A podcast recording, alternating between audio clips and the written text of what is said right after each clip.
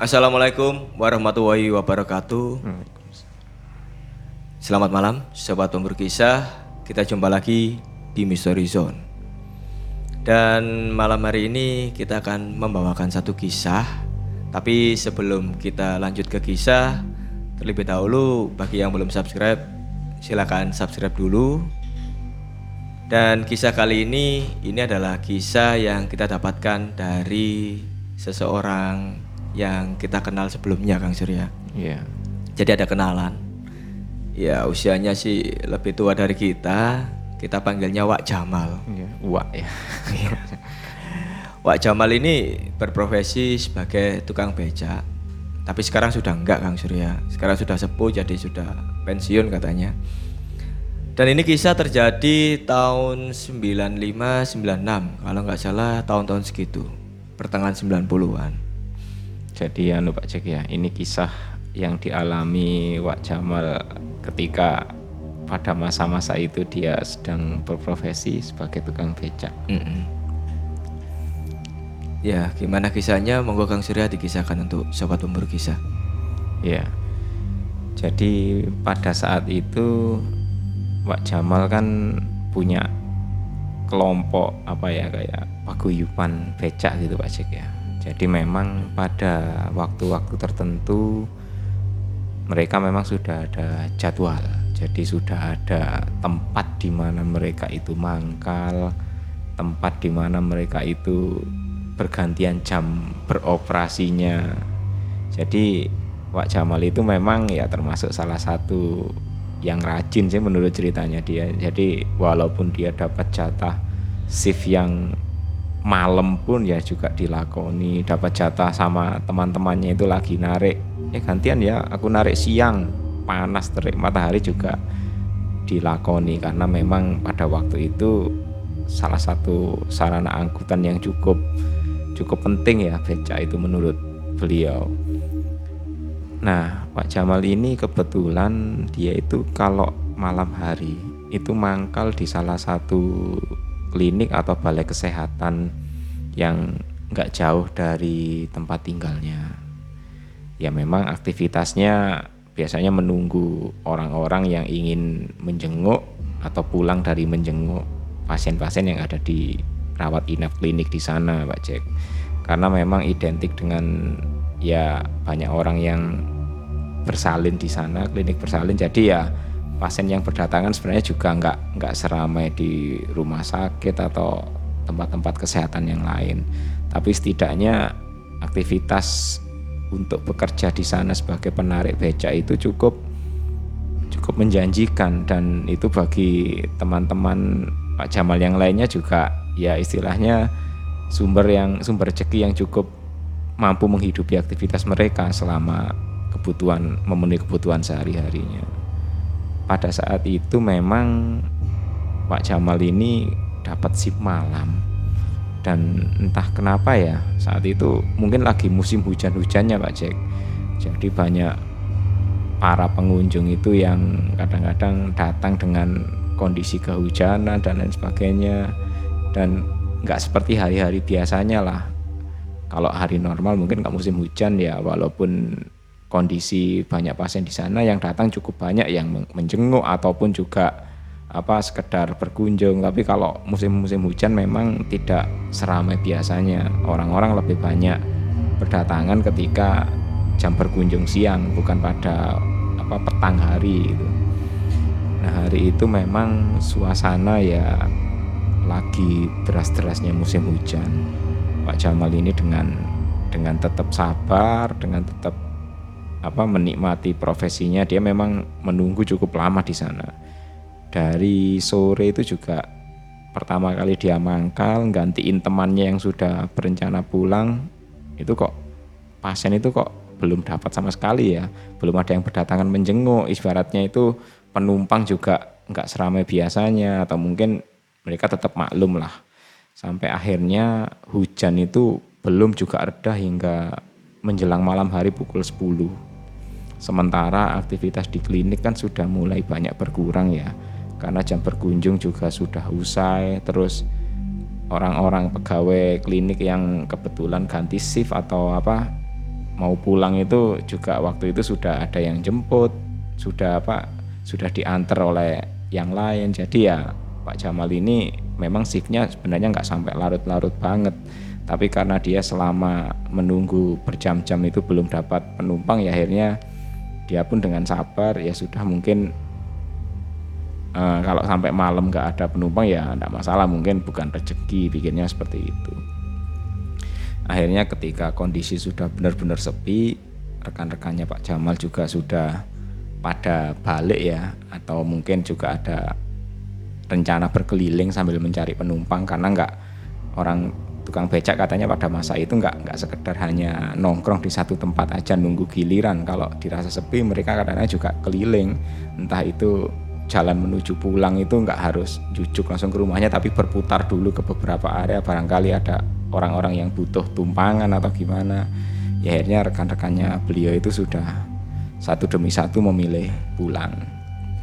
Nah ketika kondisi sudah cukup sepi-sepinya dari dalam itu tampaknya ada entah keluarga pasien entah entah penjenguk ya yang mungkin kemalaman pulang jadi dia itu menenteng apa tas kecil sambil berjalan dari keluar dari area balai klinik kesehatan itu tadi tahu-tahu kok langsung nyebrang jalan dan jujuk atau tiba-tiba mengarah ke becaknya Pak Jamal. Jamal ya mungkin terkopoh-kopoh kaget juga melihat kehadiran ibu-ibu muda gitu sambil membawa tas jinjing kecil dan menggendong bayi gitu. Kaget juga Pak Jamal loh.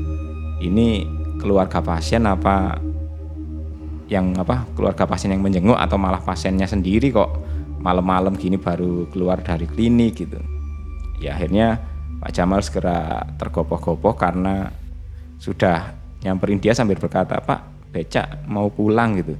Oh iya iya mbak. Akhirnya ya segera karena kondisi hujan sudah sedikit reda jadi ya Pak Jamal sudah tidak perlu apa sibuk-sibuk untuk membenahi penutup becaknya ya. Karena biasanya kalau becak kan kalau kondisi hujan kan ditutup plastik sebagian Pak Jack ya. Jadi dia tetap buka aja dan penumpang itu naik ke dalam. Nah Pak Jamal ini juga sempat berpikir kok ibu ini kok kasihan banget ya malam-malam pulang nggak ada yang jemput lah terus ini tadi habis jenguk atau mungkin gimana gitu tapi Pak Jamal waktu itu juga merasa ada banyak pertanyaan di pikirannya. Apakah ibu ini memang keluarga pasien atau mungkin dia ya bayangannya waktu itu saya kok keluar-keluar tahu-tahu bawa bayi gitu Pak Jack. Dan sementara petugas-petugas klinik sama kayak penjaga klinik itu, itu kok kayaknya ya istilahnya santai-santai saja melihat ada ibu muda keluar kok gendong bayi.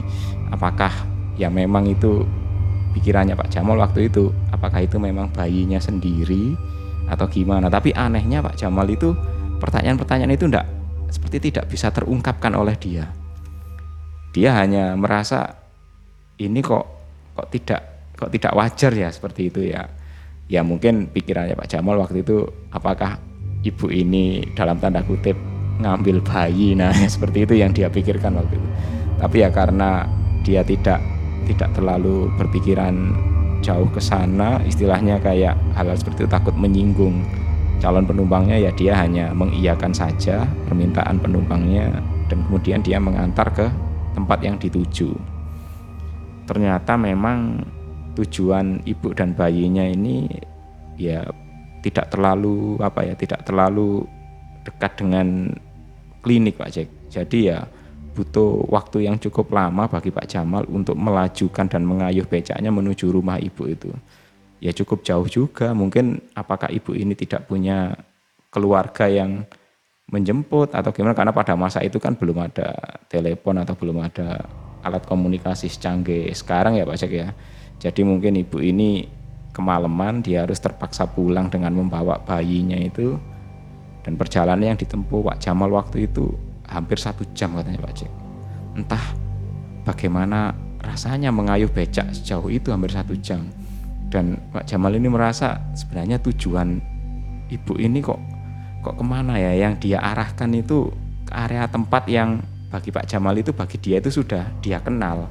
Tapi kenapa kok arah ke sana itu kok cukup lama gitu bagi Pak Jamal? Apakah dia memang merasa bahwa becaknya yang di kayu ini tidak terlalu berat juga, tapi sebenarnya Pak Jamal waktu itu merasa ini suatu tempat yang dia sangat mengenal, sangat familiar dengan tempat ini. Tapi entah kenapa cukup lama Pak Jamal baru bisa nyampe ke sana.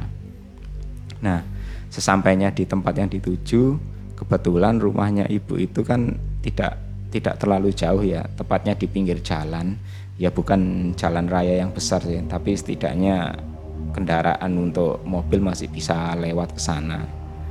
Mereka berhenti di suatu rumah di pinggir jalan raya itu dan ibu itu turun ya tidak banyak sih komunikasi yang terjadi antara Pak Jamal dengan ibu itu cuman ibu itu sempat bilang tunggu di sini ya Pak saya tak masuk rumah dulu nanti yang ngurusi suami saya yang istilahnya yang membayar becaknya. Saya masih mau apa menidurkan anak saya dulu gitu.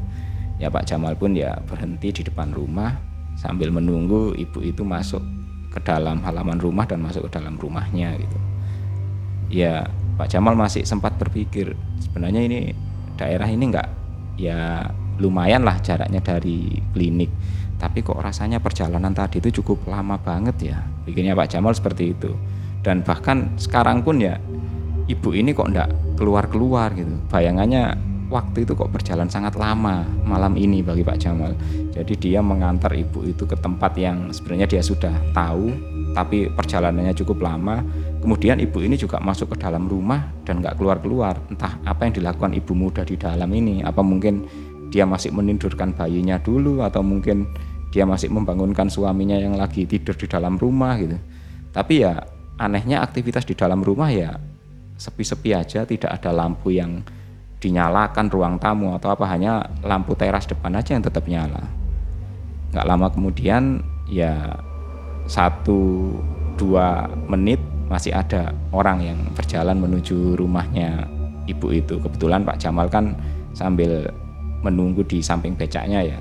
Ya orang itu hanya melihat Pak Jamal kemudian menengok ke dalam rumah ya tidak tidak ada sapaan atau tegur sapa di antara mereka ya. Mungkin karena area di situ jalan dekat dengan jalan ya. Jadi mungkin dianggap tukang becak ini kebetulan mangkal atau ya Pak Jamal menganggap orang ini kebetulan lewat gitu.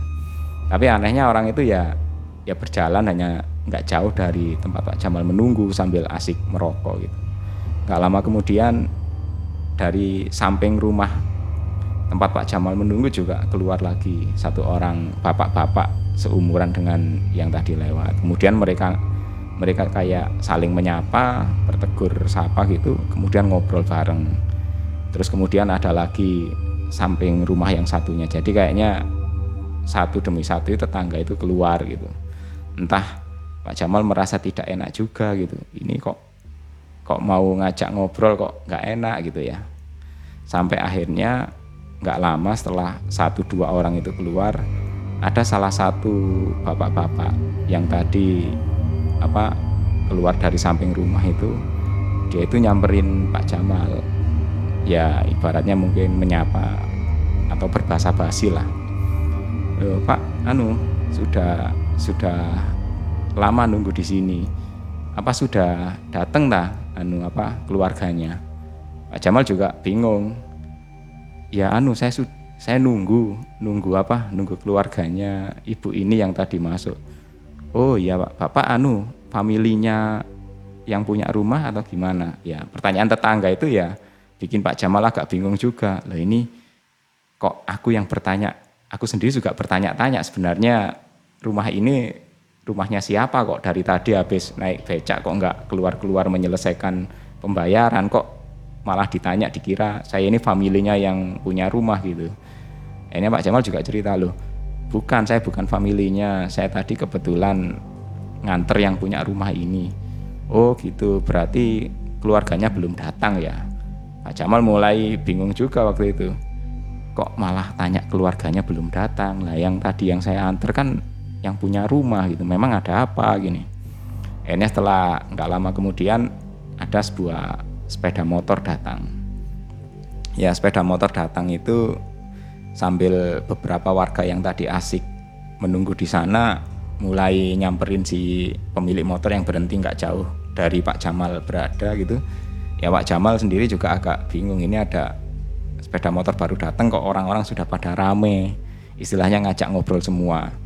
Akhirnya Pak Jamal pura-pura mendekati orang yang tadi ngajaknya mengajak dia ngobrol ya sambil bertanya loh ini sebenarnya rumahnya siapa ya Pak Gitu.